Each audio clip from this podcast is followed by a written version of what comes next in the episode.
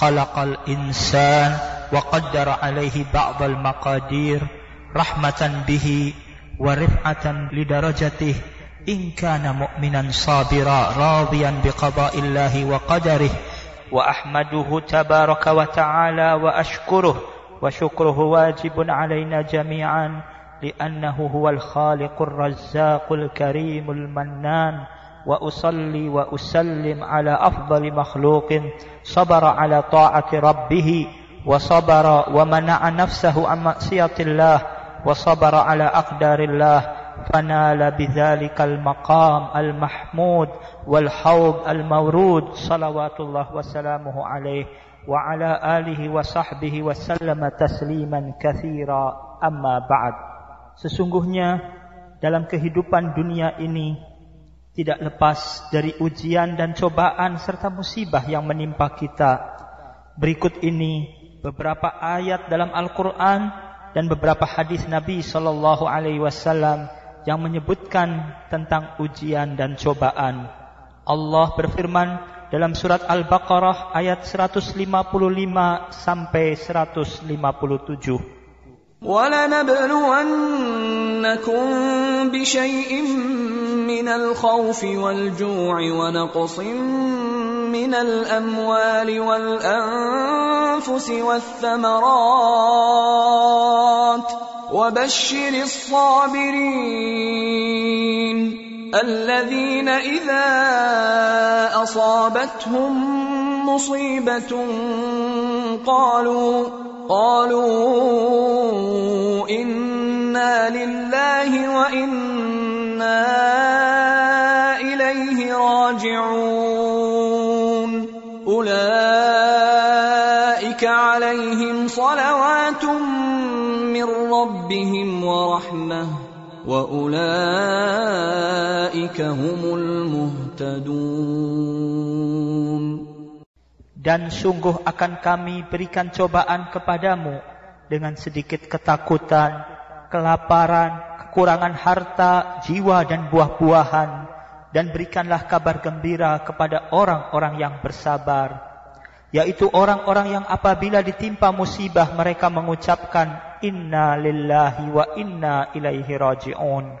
Mereka itulah yang mendapatkan keberkatan yang sempurna dan rahmat dari Rabb mereka dan mereka itulah orang-orang yang mendapat petunjuk. Dalam surat Al-Ankabut ayat 2 dan 3 Allah berfirman أحسب الناس أن يتركوا أن يقولوا آمنا وهم لا يفتنون ولقد فتنا الذين من قبلهم فليعلمن الله الذين صدقوا وليعلمن الكاذبين Apakah manusia mengira bahwa mereka dibiarkan saja mengatakan kami telah beriman sedang mereka tidak diuji lagi dan sesungguhnya kami telah menguji orang-orang sebelum mereka maka sesungguhnya Allah mengetahui orang-orang yang benar dan sesungguhnya dia mengetahui orang-orang yang dusta. Dalam surat Al-Anbiya ayat 35 Allah berfirman, Kullu nafsin dha'iqatul maut wa nabluukum bisyarri wal khairi fitnatan wa ilayna turja'un Tiap-tiap jiwa akan merasakan mati. Kami akan menguji kamu dengan keburukan dan kebaikan sebagai cobaan yang sebenar-benarnya dan hanya kepada kamilah kamu dikembalikan. Allah berfirman dalam surat Al-A'raf ayat 168. وقطعناهم في الأرض أمما منهم الصالحون ومنهم دون ذلك وبلوناهم بالحسنات والسيئات لعلهم يرجعون Dan kami bagi-bagi mereka di dunia ini menjadi beberapa golongan. Di antaranya ada orang yang soleh dan di antaranya ada yang tidak demikian. Dan kami coba mereka dengan nikmat yang baik-baik dan bencana yang buruk-buruk agar mereka kembali kepada kebenaran.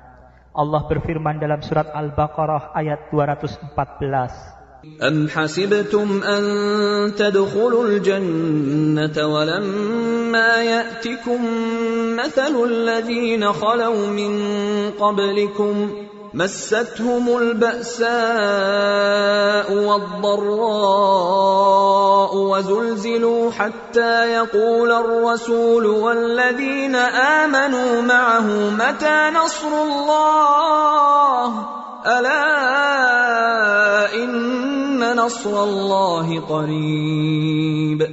Apakah kamu mengira bahwa kamu akan masuk surga padahal belum datang kepadamu cobaan sebagaimana halnya orang-orang terdahulu sebelum kamu.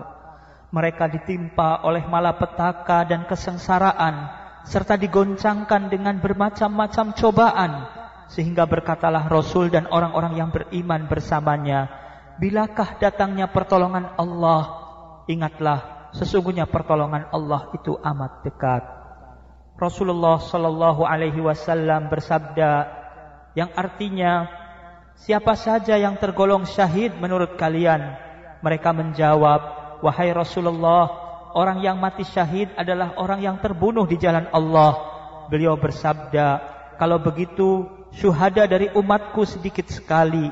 Mereka berkata, jika demikian, siapa mereka itu wahai Rasulullah?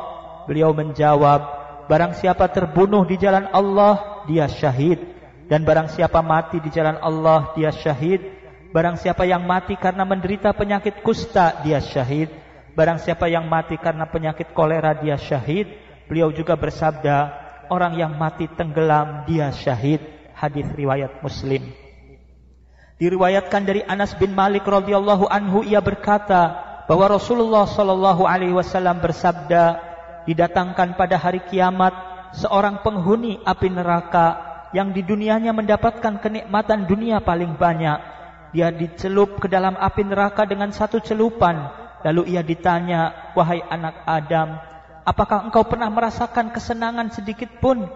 Apakah pernah datang kenikmatan kepadamu sedikit pun? Ia berkata, tidak, demi Allah, saya tidak pernah merasakannya, wahai Rabb. Dan didatangkan pula seorang penghuni surga yang di dunianya termasuk orang yang paling menderita. Maka ia dicelup ke dalam surga dengan satu celupan Lalu ditanya, wahai anak Adam, apakah engkau pernah merasakan kesusahan sedikit pun? Apakah pernah datang penderitaan kepadamu sedikit pun? Maka ia menjawab, tidak demi Allah, saya tidak pernah mengalami penderitaan sedikit pun. Begitu pula saya tidak pernah merasakan kesusahan sedikit pun, wahai Rabb. Hadis sahih riwayat Imam Muslim dalam sahihnya nomor 2807. Rasulullah Shallallahu alaihi wasallam bersabda, idza aradallahu biqaumin azaban asabal azabu man kana fihim thumma bu'itsu ala a'malihim. Jika Allah mengazab suatu kaum azab itu akan menimpa siapa saja yang tinggal bersama mereka. Kemudian mereka akan dibangkitkan sesuai dengan amal mereka masing-masing. Diriwayatkan oleh Imam Bukhari dan Muslim diriwayatkan dari Abu Hasan ia berkata aku berkata kepada Abu Hurairah Sesungguhnya aku telah ditinggal kematian dua anakku. Pernahkah engkau mendengar hadis dari Rasulullah sallallahu alaihi wasallam yang dapat menghibur diri kami atas kematian yang menimpa anak kami? Abu Hurairah radhiyallahu anhu menjawab, "Ya." Rasulullah sallallahu alaihi wasallam bersabda, "Anak-anak mereka yang wafat ketika kecil bebas keluar masuk di segala tempat di jannah di surga." Salah seorang di antara mereka menjemput bapaknya atau kedua ibu bapaknya. Maka ia memegang baju bapaknya atau memegang tangan bapaknya. Sebagaimana aku memegang ujung bajumu ini. Dan dia tidak membiarkannya atau ia tidak akan berhenti sehingga Allah memasukkan dirinya dan bapaknya ke jannah. Hadis riwayat Muslim diriwayatkan dari Ummul Mukminin Ummu Abdullah Aisyah radhiyallahu anha ia berkata bahwa Rasulullah sallallahu alaihi wasallam bersabda segerombolan tentara akan menyerang Ka'bah ketika mereka berada di tanah lapang, semua orang yang berada di sana ditelan bumi tanpa terkecuali. Aisyah berkata, "Wahai Rasulullah, bagaimana semua orang yang ada di sana ditelan bumi tanpa terkecuali, padahal di antara mereka ada orang-orang pasar bukan dari tentara?" Beliau menjawab, semua orang yang ada di sana ditelan bumi tanpa terkecuali, kemudian akan dibangkitkan di hari kiamat menurut niat mereka masing-masing. Hadis muttafaqun alaih dengan lafaz Al-Bukhari. Rasulullah sallallahu alaihi wasallam bersabda, "Huffatil jannatu bil makarih wa huffatin naru bis syahawat." Surga itu dikelilingi dengan hal-hal yang tidak disukai dan neraka itu dikelilingi hal-hal berbagai macam syahwat diriwayatkan oleh Bukhari dan Muslim dengan lafaz Muslim. Agar musibah menjadi rahmat. Apabila musibah menimpa kita ada beberapa sikap dan perbuatan yang bisa dilakukan agar beban yang yang berat menjadi ringan agar musibah menjadi rahmat. Pertama apabila ditimpa musibah hendaklah kita mengucapkan dengan konsekuen dan mengamalkan maknanya ucapan inna lillahi wa inna ilaihi raji'un. Sesungguhnya kami adalah milik Allah dan kepadanya lah kami dikembalikan. Sebagaimana tadi dalam surat Al-Baqarah 155 ketika Allah sebutkan berilah berita gembira bagi orang-orang yang sabar dalam ayat 156-nya disebutkan yaitu orang-orang yang apabila ditimpa musibah mereka mengucapkan inna lillahi wa inna ilaihi raji'un. Disebutkan dalam hadis yang sahih bahwa Rasulullah sallallahu alaihi wasallam bersabda, "Ma min 'abdin tusibuhu musibatun fayaqulu inna lillah wa inna ilaihi raji'un. Allahumma ajurni fi musibati wa akhlif li khairan minha illa ajarahu Allahu fi musibatihi wa akhlafa lahu khairan minha."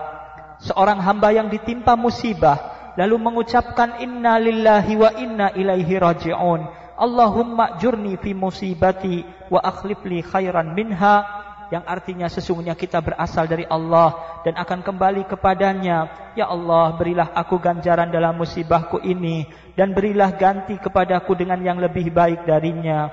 Niscaya Allah akan memberi ganjaran padanya dalam musibahnya dan akan menggantikannya dengan yang lebih baik darinya. Hadis diriwayatkan oleh Imam Muslim. Ucapan innalillahi sesungguhnya kami ini milik Allah mengandung pengertian bahwa diri kita sendiri, keluarga dan harta kita pada hakikatnya adalah milik Allah. Adapun Allah jadikan hal itu semua dimiliki oleh manusia sebagai satu pinjaman, sebagai suatu amanat. Oleh karena itu, ketika Ummu Sulaim radhiyallahu anha, seorang sahabat perempuan ditinggal mati anaknya yang sebelumnya menderita sakit, Lalu datanglah suaminya Abu Talhah radhiyallahu anhu ke rumah. Ia menanyakan bagaimana keadaan anak kita. Ummu Sulaim dengan sabarnya menjawab, ia lebih tenang dari sebelumnya. Ummu Sulaim tidak ingin mengagetkan suaminya. Suaminya menyangka keadaan anaknya sudah lebih membaik. Kemudian disiapkanlah makan malam. Tidak hanya itu, Ummu Sulaim berhias dan berdandan untuk suaminya di malam hari sehingga terjadilah apa yang terjadi. Baru setelah itu Ummu Sulaim berkata, "Wahai Abu Talhah, bagaimana pendapatmu jika suatu kaum meminjamkan barang pinjaman miliknya kepada penghuni suatu rumah, kemudian ia meminta barang mereka lagi, apakah boleh bagi penghuni rumah tersebut untuk menahannya?" Abu Talhah menjawab, "Tidak boleh." Ummu Sulaim kemudian berkata, "Hendaklah Anda pasrah mengharapkan ridha Allah atas kematian anakmu." Sebagai seorang muslim, kita harus ikhlas dan ridha apabila keluarga kita diambil oleh pemiliknya yang hakiki. Begitu juga jika kita kehilangan harta atau rumah dan sawah ladang kita hancur, kita harus ridha kepada Allah. Tidak boleh berburuk sangka kepadanya. Kita mengucapkan juga kata wa inna ilaihi rajiun dan sesungguhnya kepadanya kami dikembalikan.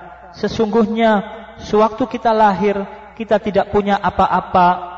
Setelah kita meninggal dunia nanti kita pun tidak membawa apa-apa dari harta kita. Semuanya kita tinggalkan. Yang kita bawa setelah meninggal dan setelah kematian adalah iman dan amal soleh. Sesungguhnya tempat kembalinya seorang hamba adalah kepada Allah. Maka dia harus meninggalkan dunia di balik punggungnya dan dia akan menghadap Allah sendirian tanpa ada keluarga dan tanpa siapa-siapa. Dia menghadap sendirian dengan membawa kebaikan dan keburukan.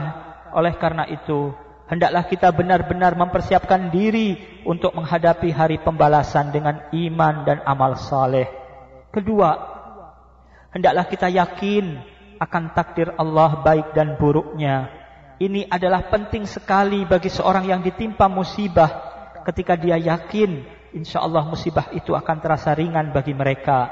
Di antara doa Nabi sallallahu alaihi wasallam, Allahumma qsim lana min khasyatika ma tahulu bihi bainana wa baina ma'siyatik wa min ta'atika ma tuballighuna bihi jannatak wa min al-yaqini ma tuhawwinu bihi alaina masa'ibad dunya wa matti'na bi asma'ina wa absarina wa quwwatina ma ahyaitana waj'alhu al-waritha minna waj'al sa'rana 'ala man zalamana wansurna 'ala man adana wa la taj'al musibatana fi dinina wa la taj'alid dunya akbar hammina wa la mablagha ilmina wa la tusallit 'alaina man la yarhamuna. Wahai Allah anugerahkanlah untuk kami rasa takut kepadamu yang dapat menghalangi antara kami dan berbuat maksiat kepadamu.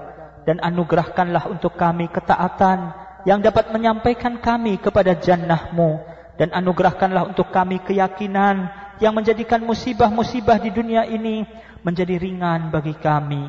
Wahai Allah, anugerahkanlah kenikmatan kepada kami dalam pendengaran kami, penglihatan dan kekuatan kami selama Engkau berikan kehidupan kepada kami dan jadikanlah ia warisan dari kami.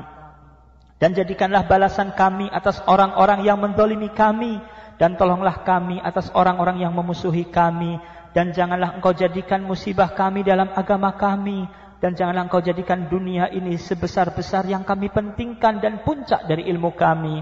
Dan orang-orang yang tidak menyayangi kami janganlah engkau jadikan mereka berkuasa atas kami. Diriwayatkan oleh Imam At-Tirmidzi dan Hakim disahihkan oleh Imam Hakim dan disepakati oleh Az-Zahabi. Oleh karena itu kita harus yakin Sesungguhnya segala cobaan dan segala musibah yang menimpa kita tidak lepas dari takdir Allah. Allah berfirman, ما أصاب من مصيبة في الأرض ولا في أنفسكم إلا في كتاب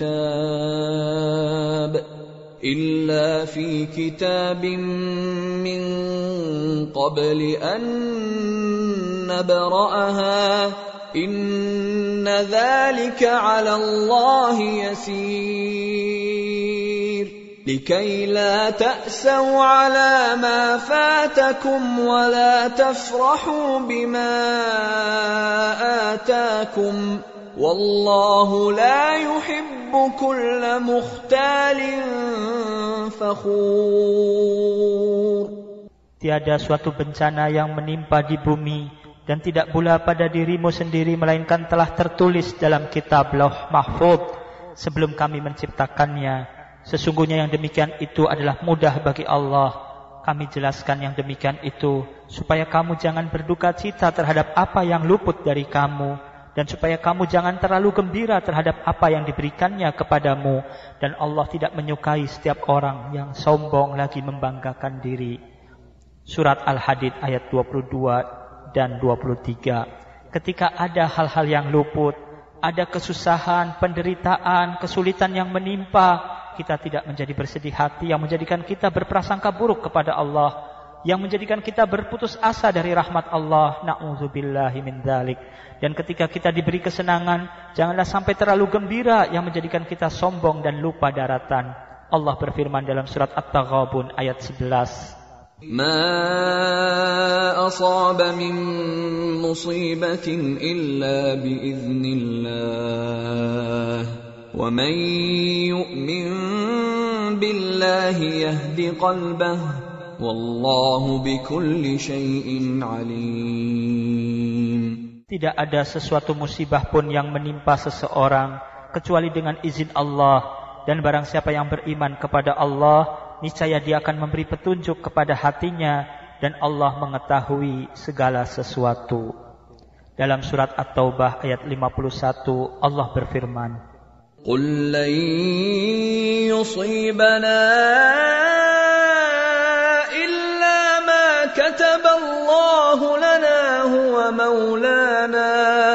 وعلى الله فليتوكل المؤمنون Katakanlah sekali-kali tidak akan menimpa kami melainkan apa yang telah ditetapkan oleh Allah bagi kami. Dialah pelindung kami dan hanyalah kepada Allah orang-orang yang beriman harus bertawakal. Aisyah radhiyallahu anha bertanya kepada Rasulullah sallallahu alaihi wasallam tentang taun. Maka beliau memberitahukan kepadanya bahwa penyakit taun itu sebagai azab yang dikirim Allah kepada siapa-siapa yang dikehendakinya. Dijadikannya taun itu sebagai rahmat bagi orang-orang yang beriman. Seorang hamba yang terkena penyakit taun, dia tetap tinggal di negerinya dengan sabar dan mengharap ganjaran dari Allah.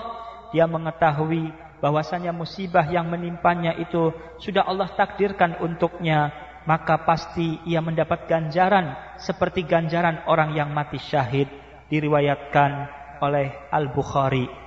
Ketiga, hendaklah kita bersyukur kepada Allah bahwa musibah yang menimpa kita ini tidaklah lebih besar. Allah Maha berkuasa atas segala sesuatu. Jika Allah menghendaki menimpakan bencana dan musibah yang lebih dahsyat dari apa yang kita alami sekarang ini, amatlah mudah bagi Allah. Walaupun kita rasakan ini berat, tapi orang yang beriman selalu bersyukur kepada Allah atas setiap keadaan.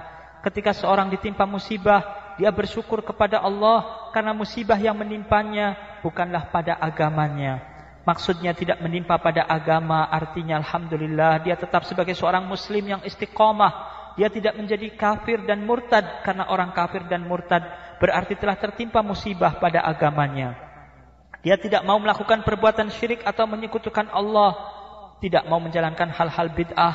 Tidak durhaka kepada kedua orang tua. Tangannya tidak dikotori untuk membunuh manusia, tidak suka berjudi, tidak suka minum minuman keras, tidak mengonsumsi obat terlarang, tidak suka berzina, penghasilannya bukan dari yang haram. Seperti korupsi, memeras, mencuri, jual ganja, menipu dan lain-lain. Kesyirikan, kekufuran, murtad dari agama Islam, kebid'ahan dan semua bentuk kemaksiatan merupakan musibah dalam agama yang lebih berat daripada musibah dunia. Kita juga bersyukur kepada Allah Alhamdulillah bahwa dengan musibah Apabila kita sabar dan ridha Maka Allah akan memberikan kebaikan yang banyak untuk kita Keempat Ketika tertimpa musibah Hendaklah kita meneladani dan melihat orang lain Yang tertimpa musibah seperti kita Sehingga terasa ringan bagi kita Tidak hanya kita sendirian yang tertimpa musibah bahkan tidak sedikit orang lain tertimpa musibah yang lebih berat dari kita. Al-Imam Ibnul Qayyim rahimahullah mengatakan, sesungguhnya kalau manusia memeriksa seluruh penduduk dunia, yang dia lihat adalah orang-orang yang tertimpa musibah. Berpalinglah ke kanan dan ke kiri, tidaklah terlepas dari orang-orang yang tertimpa musibah. Penderitaan yang dirasakan sendiri terasa lebih berat. Tetapi ketika ada orang lain menderita dengan penderitaan yang sama atau bahkan lebih berat darinya, terasa ringan baginya musibah tersebut. Bukan berarti dia senang melihat orang lain menderita. Al-Imam Ibn Jauzi rahimahullah menyebutkan bahwasanya ada seseorang telah menyebutkan dalam sebuah buku tentang kisah Dzulqarnain ketika dia pulang dari perjalanannya kemudian dia sampai ke daerah Babilonia kemudian dia sakit keras sehingga dia merasa dirinya akan meninggal dunia Kemudian dia menulis surat kepada ibunya yang sedang menunggu kedatangan anaknya. Ia meminta kepada ibunya untuk memasak masakan, kemudian mengundang orang sebanyak yang ia mampu, kemudian dia suruh mereka makan tapi dengan syarat yang boleh makan masakan ibu adalah orang yang tidak pernah tertimpa musibah. Kemudian sampailah surat itu kepada si ibu, dibacanya. Setelah itu ibunya mulai memasak dan memanggil orang-orang kemudian mengatakan bahwasanya hendaklah kalian makan tapi dengan syarat yang boleh makan makanan ini adalah orang yang tidak pernah tertimpa musibah. Tidak ada satupun orang yang memakannya. Barulah dia sadar bahwa itu adalah hiburan dari anaknya yang sedang berada dalam musibah. Tapi tidak hanya dia sendiri yang tertimpa musibah. Orang lain pun banyak yang tertimpa musibah. Akhirnya si ibu itu ridha dengan apa yang telah terjadi. Dan dia mengatakan, "Engkau telah memberi nasihat kepada saya, saya telah menerima nasihatmu." Si ibu berpesan kepada pembawa surat agar menyampaikan salam untuk anaknya dan ikut ibu itu mendoakannya. Semoga Allah memberi keselamatan kepadamu wahai anakku, baik kamu dalam keadaan hidup atau meninggal. Kelima, keluh kesah dan menggerutu atas musibah yang menimpa kita tidak akan menghilangkan musibah. bahkan akan menambah musibah menjadi lebih berat. Tetapi manusia mempunyai sifat selalu berkeluh kesah. Mereka itu adalah orang-orang yang merugi. Bagi orang-orang yang selalu menjaga solatnya, menjaga kemaluannya, menunaikan zakat, taat kepada Allah, yakin kepada hari akhirat, mereka tidak berkeluh kesah. Mereka tidak pernah menggerutu atas musibah yang menimpa dan yakin apa yang menimpa mereka adalah baik bagi mereka. Insya Allah banyak hikmah di balik musibah ini. Mereka tidak berteriak-teriak secara histeris atas kematian anak atau suaminya. Juga tidak merobek-robek baju atau menampar pipi. Dan juga dia tidak berprasangka buruk kepada Allah. Al-Imam Ibnul Qayyim rahimahullah mengatakan dalam kitabnya ighathatul lahafan min masayidis syaitan.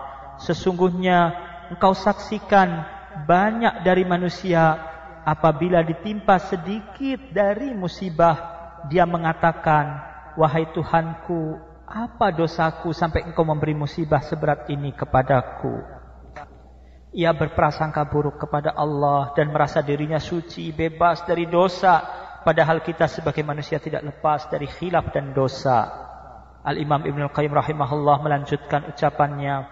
Sesungguhnya banyak manusia meninggalkan kewajiban. Sedangkan dia tidak tahu bahwa itu adalah kewajiban. Maka dia lalai dalam hal menuntut ilmu agama. Dan banyak juga manusia meninggalkan kewajiban. Padahal dia tahu bahwasanya itu adalah wajib. Bisa jadi dikarenakan malas. Dan dia menggampangkannya. Atau dia punya pemahaman yang batil. Atau dia taklid buta atau dia menyangka sedang menjalankan hal yang lebih penting daripada kewajiban yang dia tinggalkan atau ada alasan-alasan lainnya. Betapa banyak manusia melakukan dosa sedangkan dia tidak sadar bahwa hal itu adalah dosa karena kurangnya ilmu dan lalai dalam menuntut ilmu. Banyak pula manusia melakukan dosa padahal dia tahu bahwa itu dosa. Kita tidak melaksanakan kewajiban padahal kita tahu bahwa itu wajib. Hendaklah kita berdoa kepada Allah agar Allah selalu memberi kepada kita ilmu yang bermanfaat dan dijauhkan dari ilmu yang tidak bermanfaat. Allahumma inni as'aluka ilman nafi'an wa qalban khashi'an wa lisanan dzakira wa amalan mutaqabbala. Wahai Allah, aku mohon kepadamu ilmu yang bermanfaat, hati yang khusyuk, lisan yang selalu berzikir kepadamu dan amal yang selalu diterima di sisimu. Allahumma arinal haqqa haqqa warzuqna tiba'ahu wa arinal batila batila warzuqna jtinabahu. Wahai Allah, perlihatkanlah kepada kami kebenaran sebagai suatu kebenaran dan berilah kepada kami kemampuan untuk mengikutinya dan perlihatkanlah kepada kami kebatilan sebagai suatu kebatilan dan berikanlah kepada kami kemampuan untuk menjauhinya. Allahumma a'inni ala zikrika wa syukrika wa husni ibadatik. Wahai Allah, tolonglah kami agar selalu dapat mengingatmu, selalu bersyukur atas nikmatmu, dan agar dapat beribadah kepadamu dengan baik. Mengeluh kepada manusia atas musibah yang menimpa seseorang, menodai kesabaran dan keridhaan, bahkan dapat menghilangkannya para salafus saleh jika tertimpa musibah mereka menyembunyikannya dan tidak menampakkannya kepada manusia jika tertimpa musibah kematian mereka menceritakan kematian anak, orang tuanya atau orang yang dicintainya kepada kerabat, teman atau orang lain agar jenazahnya dapat dimandikan, disolatkan dan dikuburkan atau agar orang lain mendoakannya. Al-Imam Al-Manjabi rahimahullah berkata, maksud dari pembicaraan ini semua bahwa menyembunyikan musibah adalah puncak kesabaran. Al-Imam Ibnul Qayyim rahimahullah berkata, orang yang bodoh mengeluhkan tentang Allah kepada manusia. Orang yang bijak adalah orang yang mengeluh kepada Allah. Sebijak-bijak manusia adalah yang mengeluh kepada Allah tentang keadaan dirinya. Dia mengeluh kepada Allah tentang penindasan dan musibah yang menimpanya itu tidak lain disebabkan diri kita sendiri. Boleh jadi kita mengeluh kepada Allah tentang manusia yang bersikap sewenang-wenang dan mendolimi kita. Dan kita pun boleh berdoa agar Allah menimpakan hukuman yang setimpal kepada mereka. Rasulullah sallallahu alaihi wasallam berpesan, hati-hatilah terhadap doa orang yang teraniaya. Sesungguhnya antara dia dan Allah tidak ada hijab, artinya doanya mustajab dan langsung dikabulkan oleh Allah. Teladanilah para nabi alaihi wassalatu wassalam yang mendapat pujian Allah karena mereka mengeluh hanya kepada Allah. Allah berfirman, وذا النون إذ ذهب مغاضبا فظن أن لن نقدر عليه فنادى فنادى في الظلمات أن لا إله إلا أنت سبحانك إني كنت من الظالمين. فاستجبنا له ونجيناه من الغم وكذلك ننجي المؤمنين Dan ingatlah kisah Zunnun, Yunus ketika ia pergi dalam keadaan marah. Lalu ia menyangka bahwa kami tidak akan mempersempitnya, menyulitkannya. Maka ia menyeru dalam keadaan yang sangat gelap bahwa tidak ada Tuhan yang berhak disembah selain engkau. Maha suci engkau, sesungguhnya aku adalah termasuk orang-orang yang zalim. Maka kami telah memperkenankan doanya dan menyelamatkannya dari kedukaan. Dan demikianlah kami selamatkan orang-orang yang beriman. Surat Al-Anbiya ayat 87 sampai 88. Allah berfirman tentang Nabi Ayub alaihi salam. وأيوب إذ نادى ربه أني مسني الضر وأنت أرحم الراحمين. فاستجبنا له فكشفنا ما به من ضر وآتيناه أهله ومثلهم معهم. وآتيناه أهله ومثلهم معهم رحمة من عندنا وذكرى للعابدين Dan ingatlah kisah Ayub ketika ia menyeru Tuhannya, Ya Tuhanku, sesungguhnya aku telah ditimpa penyakit dan engkau adalah Tuhan yang maha penyayang di antara semua penyayang. Maka kami pun memperkenankan seruannya itu, lalu kami lenyapkan penyakit yang ada padanya, dan kami kembalikan keluarganya kepadanya, dan kami lipat gandakan bilangan mereka sebagai satu rahmat dari sisi kami, dan untuk menjadi peringatan bagi semua yang menyembah Allah. Surat Al-Anbiya ayat 83 sampai 84. Allah berfirman tentang Nabi Yakub alaihi salam. Qala innama.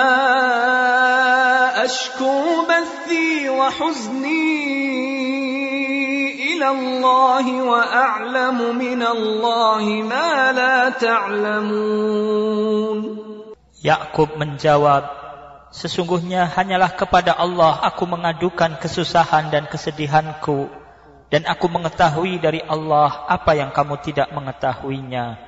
Quran Surat Yusuf ayat 86. Sampai akhirnya Nabi Yakub alaihissalam dapat melihat kembali setelah sebelumnya buta. Dan dapat berjumpa kembali dengan Nabi Yusuf alaihissalam yang sangat dirindukannya. Allah berfirman menceritakan Nabi Musa alaihissalam. فسقى لهما ثم تولى إلى الظل فقال رب إني لما أنزلت إلي من خير فقير Maka Musa memberi minum ternak itu untuk menolong keduanya. Kemudian dia kembali ke tempat yang teduh. Lalu berdoa, Ya Tuhanku, sesungguhnya aku sangat memerlukan sesuatu kebaikan yang kau turunkan kepadaku. Surat Qasas ayat 24. Yang dimaksud dengan kebaikan dalam ayat ini menurut sebagian besar ahli tafsir ialah barang sedikit makanan. Nabi Musa alaihissalam meskipun dalam keadaan selapar dan telah menolong dua orang perempuan, dia tidak minta upah berupa makanan, tetapi mengeluh kepada Allah dan berdoa kepadanya. Maka Allah kabulkan doanya. Tidak lama kemudian datanglah salah seorang dari kedua perempuan yang telah ditolongnya dan mengatakan bahwa bapaknya mengundang makan sebagai balasan atas kebaikannya memberi minum ternak mereka. bahkan sampai akhirnya dinikahkan dengan salah satu perempuan yang ditolongnya. Keenam, kita harus yakin bahwa jika kita sabar dan riba atas musibah yang datang, Allah akan memberikan kenikmatan, keberkahan, kelezatan, kesenangan dan kebaikan yang berlipat-lipat besarnya. Bahkan musibah yang menimpa kita ini dapat menghapuskan dosa-dosa dan akan menyucikan jiwa-jiwa kita. Allah janjikan orang-orang yang sabar akan mendapatkan salawat, rahmat dan hidayah sebagaimana telah disebutkan dalam surat Al-Baqarah ayat 157. Dengan sebab musibah, Allah memaafkan sebagian besar dari kesalahan-kesalahan kita. Allah berfirman dalam surat Asy-Syura ayat 30. وما اصابكم من مصيبه فبما كسبت ايديكم ويعفو عن كثير Dan apa saja musibah yang menimpa kamu adalah disebabkan oleh perbuatan tanganmu sendiri. Dan Allah memaafkan sebagian besar dari kesalahan-kesalahanmu. Allah berfirman dalam surat An-Nahl ayat 96. ما عندكم ينفد وما عند الله باق ولنجزين الذين صبروا أجرهم بأحسن ما كانوا يعملون. Apa yang di sisimu akan lenyap dan apa yang di sisi Allah adalah kekal. sungguh kami akan memberi balasan kepada orang-orang yang sabar dengan pahala yang lebih baik dari apa yang telah mereka kerjakan. Allah berfirman dalam surat Az-Zumar ayat 10. قل يا عبادي الذين آمنوا اتقوا ربكم للذين أحسنوا في هذه الدنيا حسنة وأرض الله واسعة إنما يوفى الصابرون أجرهم بغير حساب Katakanlah, hai hamba-hamba Allah yang beriman, bertakwalah kepada Tuhanmu. Orang-orang yang berbuat baik di dunia ini akan memperoleh kebaikan, dan bumi Allah itu adalah luas. Sesungguhnya hanya orang-orang yang bersabarlah yang dicukupkan pahala mereka tanpa batas. Berikut ini beberapa hadis Nabi Shallallahu Alaihi Wasallam mengenai buah, faidah dan hikmah kesabaran. Di antaranya Nabi Shallallahu Alaihi Wasallam bersabda, "Ma min muslimin yusibuhu adzan min maradin fama siwahu illa hattallahu bihi sayyiatih kama tahuttus syajaratu waraqaha." Seorang muslim yang tertimpa suatu gangguan berupa penyakit atau lainnya, pasti Allah akan menggugurkan bersamanya dosa-dosanya seperti pohon yang menggugurkan daun-daunnya. Hadis diriwayatkan oleh Bukhari dan Muslim. Rasulullah Shallallahu alaihi wasallam bersabda, "Ma yusibul muslima min nasabin wala wasabin wala hammin wala huznin wala adzan wala ghammin hatta syaukati yushakuha illa kaffarallahu biha min khatayahu. Tidaklah seorang muslim ditimpa keletihan, penyakit yang terus-menerus, kesusahan, kesedihan, gangguan, kegundah gulanaan, hingga duri yang menusuknya, melainkan Allah akan menghapuskan sebagian dari kesalahan-kesalahannya. Hadis diriwayatkan oleh Imam Bukhari. Rasulullah Shallallahu Alaihi Wasallam juga bersabda yang artinya tidaklah rasa sakit yang terus-menerus, kepayahan, penyakit dan kesedihan yang menimpa seorang mukmin, bahkan sampai kesusahan yang menyusahkannya, melainkan dihapuskan dosa-dosanya. Hadis diriwayatkan oleh Imam Muslim. Rasulullah Shallallahu Alaihi Wasallam juga bersabda yang artinya bencana senantiasa menimpa orang-orang mukmin dan mukminah pada dirinya, anak dan hartanya, sehingga ia berjumpa dengan Allah dalam keadaan tidak ada kesalahan pada dirinya. Hadis diriwayatkan oleh Imam Tirmidzi, Ahmad Hakim, Ibnu Hibban. Imam Tirmidzi mengatakan hadis hasan sahih. Rasulullah Shallallahu alaihi wasallam juga bersabda, "Ma min muslimin yushaku syaukatan fama fawqaha illa kutibat lahu biha darajah wa muhiyat anhu biha khati'ah." Seorang muslim yang tertusuk duri atau lebih dari itu, niscaya ditetapkan baginya karena hal itu satu derajat dan dihapuskannya pula satu kesalahan karena hal itu hadis diriwayatkan oleh Imam Muslim.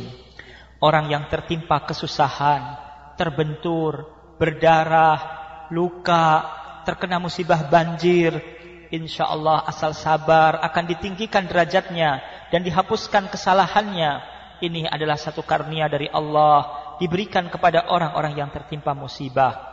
Rasulullah Shallallahu Alaihi Wasallam juga bersabda yang artinya sesungguhnya seseorang benar-benar memiliki kedudukan yang tinggi di sisi Allah padahal dia mendapatkannya bukan karena satu amalan yang dilakukannya Hal itu disebabkan Allah senantiasa mengujinya dengan sesuatu yang tidak disukainya sehingga dia bisa sampai pada kedudukan yang tinggi tersebut.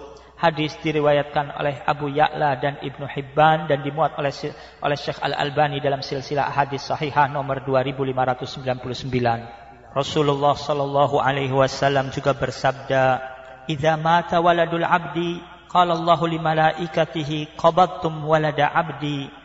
فيقولون نعم فيقول قبضتم ثمرة فؤاده فيقولون نعم فيقول ماذا قال عبدي فيقولون حمدك واسترجع فيقول الله ابنوا لعبدي بيتا في الجنة وسموه baital hamdi. Jika seorang anak dari hamba Allah meninggal dunia, Allah mengatakan kepada malaikatnya yang telah mencabut nyawa anak tersebut, kalian telah mencabut ruh anak dari hambaku. Mereka mengatakan, iya. Allah mengatakan kalian telah mencabut nyawa buah hatinya. Mereka menjawab, iya. Maka Allah berkata, apa yang diucapkan hambaku? Malaikat menjawab, dia memujimu dan mengucapkan inna lillahi wa inna ilaihi raji'un. Maka Allah mengatakan, bangunkanlah untuk hambaku sebuah rumah di surga dan namailah dengan Baitul Hamdi, rumah pujian. Hadis riwayat Tirmidzi dan disahihkan oleh Syekh Al-Albani dalam Sahih Tirmidzi. Rasulullah sallallahu alaihi wasallam bersabda bahwa Allah taala berfirman yang artinya tidaklah ada suatu balasan yang lebih pantas di sisiku bagi hambaku yang beriman jika aku telah mencabut nyawa orang kesayangannya dari penduduk dunia, kemudian ia bersabar atas kehilangan orang kesayangannya itu, melainkan Allah akan membalasnya dengan surga. Hadis riwayat Bukhari. Rasulullah wasallam juga bersabda, "Al-humma haddu kulli mu'minin minan nar."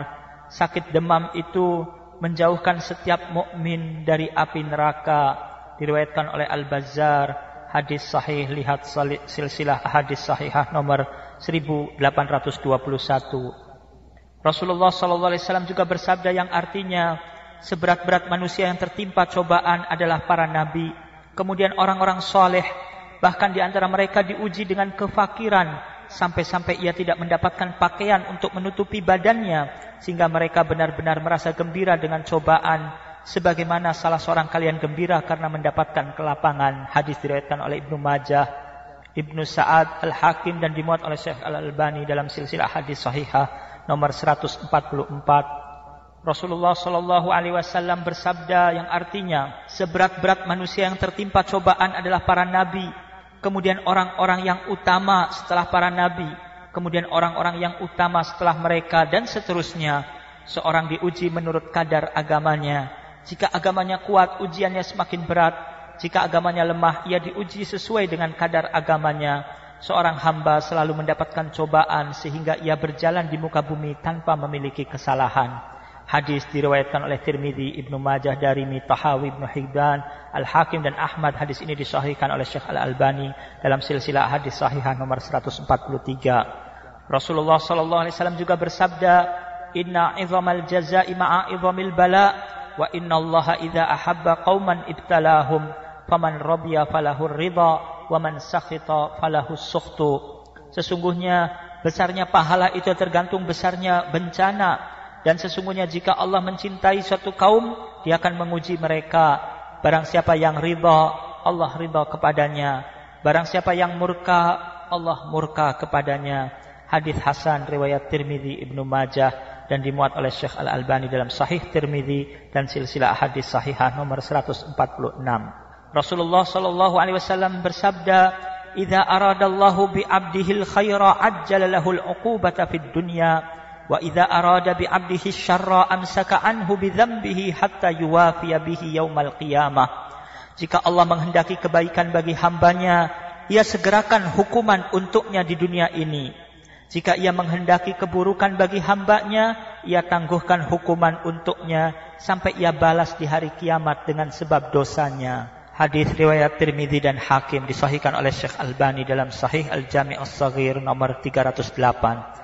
Al-Imam Ibn Al-Qayyim rahimahullah berkata, Begitulah Allah subhanahu wa ta'ala berbuat kepada hamba-hambanya dalam memberi hukuman atas kejahatan mereka. Ia memberi pelajaran kepada hambanya yang beriman dan dicintai dan dimuliakannya disebabkan sedikit kesalahan sehingga ia selalu waspada dan hati-hati Sedangkan orang yang dihinakannya dan tidak dicintainya, ia membiarkan maksiatnya. Setiap ia berbuat dosa malah diberi nikmat. Orang yang tertipu menyangka bahwa itu tanda Allah memuliakannya. Dia tidak tahu bahwa Allah menghinakannya dan dia menginginkan azab yang sangat keras dan hukuman yang sangat berat untuknya. Ketujuh, kita mengharap ganti dari Allah atas musibah yang menimpa kita, baik ganti di dunia maupun di akhirat ganti di dunia seperti anak yang meninggal diganti oleh Allah dengan lahirnya anak yang lain. Begitu pula harta kita. Jika Allah tidak ganti untuk kita di dunia karena satu atau banyak hikmah, akan Allah ganti di akhirat dengan ganjaran yang berlipat dan kedudukan yang tinggi beberapa derajat. Tetapi apabila yang hilang adalah agama kita, iman kita, tidak ada gantinya. Apabila kita lalai kepada Allah, siang dan malam selalu berbuat maksiat, melakukan perbuatan syirik, percaya kepada tukang ramal, mendatangi dukun, berbuat sihir, mengkeramatkan wali yang dikubur, meninggalkan sholat, berbuat bid'ah, membunuh manusia, main judi, main perempuan, menjual ganja, memeras dan menakut-nakuti masyarakat, khianat atas amanat yang dipikulkan kepadanya, itu semua merupakan musibah agama yang tidak bisa diganti kecuali dengan taubat dan meninggalkannya serta memulai mengisi sisa hidup kita di jalan ketaatan. Kedelapan, orang yang terkena musibah menjadikannya ingat kelalaiannya selama ini. Biasanya seseorang apabila dalam keadaan sehat walafiat suka tenggelam dalam dosa dan maksiat serta mengikuti hawa nafsu. Dia sibuk dalam urusan dunia dan melalaikan Allah syaitan membuatnya lalai dan menyeretnya ke dalam kubangan syahwat dan kedurhakaan. Karena itu, jika Allah mencobanya dengan suatu penyakit atau musibah, baru dia merasakan kelemahan, kehinaan, ketidakmampuannya di hadapan Allah. Dia mengingat kelemahannya selama ini sehingga hal itu menjadikan dia kembali kepada Allah, menyesal dan bertaubat kepada Allah dengan taubat nasuha. Allah berfirman, ولقد أرسلنا إلى أمم من قبلك فأخذناهم فأخذناهم بالبأساء والضراء لعلهم يتضرعون Dan sesungguhnya kami telah mengutus rasul-rasul kepada umat-umat yang sebelum kamu. Kemudian kami siksa mereka dengan menimpakan kesengsaraan dan kemelaratan. Supaya mereka bermohon kepada Allah dengan tunduk merendahkan diri. Surat Al-An'am ayat 42. Dengan mendapatkan musibah ini, di antara hikmahnya adalah bisa menghilangkan dan membersihkan diri kita dari penyakit-penyakit hati. Sebagaimana dijelaskan oleh Al-Imam Ibn Al-Qayyim rahimahullah kalau tidak karena cobaan dan musibah dunia, niscaya manusia terkena penyakit ujub, bangga, sombong dan kekerasan hati. Padahal sifat-sifat ini merupakan kehancuran baginya di dunia maupun di akhirat. Di antara rahmat Allah, kadang-kadang manusia tertimpa musibah yang menjadi pelindung baginya dari penyakit hati dan menjaga kebersihan ubudiahnya. Maha suci Allah yang merahmati manusia di dunia dengan musibah dan ujian. Hendaklah kita berhusnudzan kepada Allah bahwa Allah yang maha penyayang dan maha bijaksana menimpakan musibah kepada kita bukan untuk membinasakan kita tetapi agar kita sadar kembali ke jalan Allah dan Allah akan meninggikan derajat kita. Kemudian Hal yang menjadikan hiburan bagi orang-orang yang tertimpa musibah adalah kita harus sadar bahwa kalau kita tidak ridho, tidak sabar, kita akan kehilangan keutamaan-keutamaan yang Allah berikan tadi. Berarti kita tertimpa musibah lebih besar daripada musibah yang sedang kita hadapi sekarang ini. Musibah kehilangan rahmat Allah, kehilangan pujian dan kecintaan dari Allah adalah lebih besar dan lebih dahsyat daripada musibah sedahsyat apa pun yang ada di dunia ini. Sadarlah ketika kita lalai melakukan dosa, berarti kita sedang tertimpa musibah dalam agama yang besarnya tergantung dari besar kecilnya dosa kita. Hendaklah kita peka dan sadar bahwa apabila kita lalai dan berbuat dosa, ini adalah musibah yang besar. Jangan sampai Allah timpakan kepada kita musibah dalam agama. Semoga kita menyikapi bencana ini dengan baik dan benar.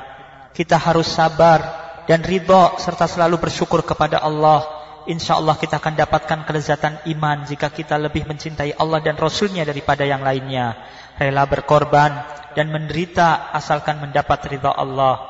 Allahumma habib ilainal iman wa fi qulubina wa karih ilainal kufra wal fusuqa wal isyan. Ya Allah, berilah kecintaan kepada kami akan keimanan dan hiasilah di hati kami dan berilah rasa benci kepada kami akan kekufuran, kefasikan dan kemaksiatan. Allahumma aslih lana dinana alladhi huwa ismatu amrina wa aslih lana dunyana allati fiha ma'ashuna wa aslih lana akhiratana allati fiha ma'aduna waj'alil hayata ziyadatan lana fi kulli khair Waj'alil mauta rahatan lana min kulli syar. Ya Allah, perbaikilah untuk kami agama kami yang merupakan pelindung bagi kami. Dan perbaikilah untuk kami dunia kami yang merupakan tempat hidup kami. Dan perbaikilah untuk kami akhirat kami yang merupakan tempat kembali kami. Jadikanlah kehidupan ini sebagai tambahan kebaikan untuk kami. Dan jadikanlah kematian ini sebagai tempat peristirahatan bagi segala kejahatan. Bagi saudara-saudara yang tertimpa musibah dunia seberat apa pun, janganlah kita menginginkan kematian karena tidak sabar dengan mengatakan misalnya, Ya Allah, matikanlah saya daripada saya mendapatkan musibah seperti ini. Ungkapan seperti itu dilarang oleh Nabi sallallahu alaihi wasallam. Ada juga doa yang diajarkan oleh Nabi sallallahu alaihi wasallam, Allahumma bi'ilmikal ghaiba wa qudratika 'alal khalq ahyini ma 'alimtal hayata khairan li wa tawaffani idza 'alimtal wafata khairan li. Allahumma inni as'aluka khasyataka fil ghaibi wasyahadah wa as'aluka kalimatal haqq fil ridha wal ghadab wa as'aluka al qasda fil faqri wal ghina wa as'aluka na'iman la yanfad wa as'aluka qurrata 'ainin la tanqati' wa wa as'aluka ladzatan nazar ila wajhik wasyauqa ila liqa'ik fi ghairi dharra'a mudhirratin wala fitnatin mudillah Allahumma zayyinna bizinatil iman waj'alna hudatan muhtadin Ya Allah dengan ilmu gaibmu dan kekuasaanmu atas semua makhluk hidupkanlah saya selama engkau mengetahui kehidupan itu lebih baik bagiku. Dan matikanlah saya jika menurut pengetahuanmu bahwa kematian itu lebih baik bagiku. Ya Allah, sesungguhnya saya memohon kepadamu rasa takut kepadamu, baik dalam keadaan sembunyi maupun terang-terangan. Saya memohon kepadamu kata-kata yang benar, baik dalam keadaan senang maupun dalam keadaan marah. Saya memohon kepadamu kesederhanaan, baik dalam keadaan kaya maupun miskin. Saya memohon kepadamu nikmat yang tidak pernah habis. Saya memohon kepadamu penyejuk hati yang tidak pernah terputus. Saya memohon kepadamu kerelaan menerima segala hal setelah ditetapkan. Saya memohon kepadamu ketentraman hidup setelah kematian. Saya memohon kepadamu kenikmatan memandang wajahmu dan kerinduan untuk bertemu denganmu. Bukan dalam kesusahan yang membinasakan dan cobaan yang menyesatkan Ya Allah, hiasilah kami dengan hiasan iman dan jadikanlah kami termasuk orang-orang yang diberi petunjuk dan memberi petunjuk kepada manusia. Berikut ini doa penawar hati yang duka. Nabi Shallallahu Alaihi Wasallam menyebutkan bahwasannya barang siapa yang membaca doa ini, Allah akan menghilangkan kesedihan dan kesusahannya serta menggantikannya dengan kegembiraan. Allahumma inni abduka ibnu abdika ibnu amatika. Nasiyati biyadik madin fiyya hukmuk adlun fiyya qabauk as'aluka bikulli ismin huwa lak sammaita bihi nafsak au anzaltahu fi kitabik aw 'allamtahu ahadan min khalqik aw ista'tharta bihi fi 'ilmil ghaibi 'indak an taj'alal qur'ana rabi'a qalbi wa nura sadri wa jala'a huzni wa dhahaba hammi. Ya Allah sesungguhnya saya adalah hambamu anak hamba laki-lakimu anak hamba perempuanmu. Ubun-ubunku berada di tanganmu hukummu terhadap diriku berlaku ketetapanmu terhadap diriku benar-benar adil saya memohon kepadamu dengan menyebut segala nama yang menjadi milikmu, yang kau namai dirimu dengannya, atau yang kau turunkan dalam kitabmu, atau yang kau ajarkan kepada seseorang dari makhlukmu, atau yang kau rahasiakan dalam ilmu gaib yang ada di sisimu, hendaklah engkau jadikan Al-Quran sebagai penyejuk hatiku, cahaya bagi dadaku, dan penghilang rasa sedihku, serta penghilang kesusahanku. Mudah-mudahan risalah yang singkat ini, yang berasal dari buku Hikmah di Balik Musibah, pesan-pesan untuk orang yang tertimpa musibah dan dirundung duka, Buku ini hanyalah sedikit dari usaha yang bisa kami lakukan. Semoga Allah menerima amal baik kita semua. Dan Allah berikan kemampuan kepada kita untuk bisa beramal soleh lebih baik dan lebih banyak lagi. Segala puji bagi Allah, penguasa seluruh alam. Semoga salawat dan salam tetap dicurahkan atas Nabi kita Muhammad, keluarganya dan para sahabatnya serta pengikutnya yang tetap setia sampai hari pembalasan. Subhanakallahumma wa bihamdika asyhadu an la ilaha illa anta astaghfiruka wa atubu ilaik.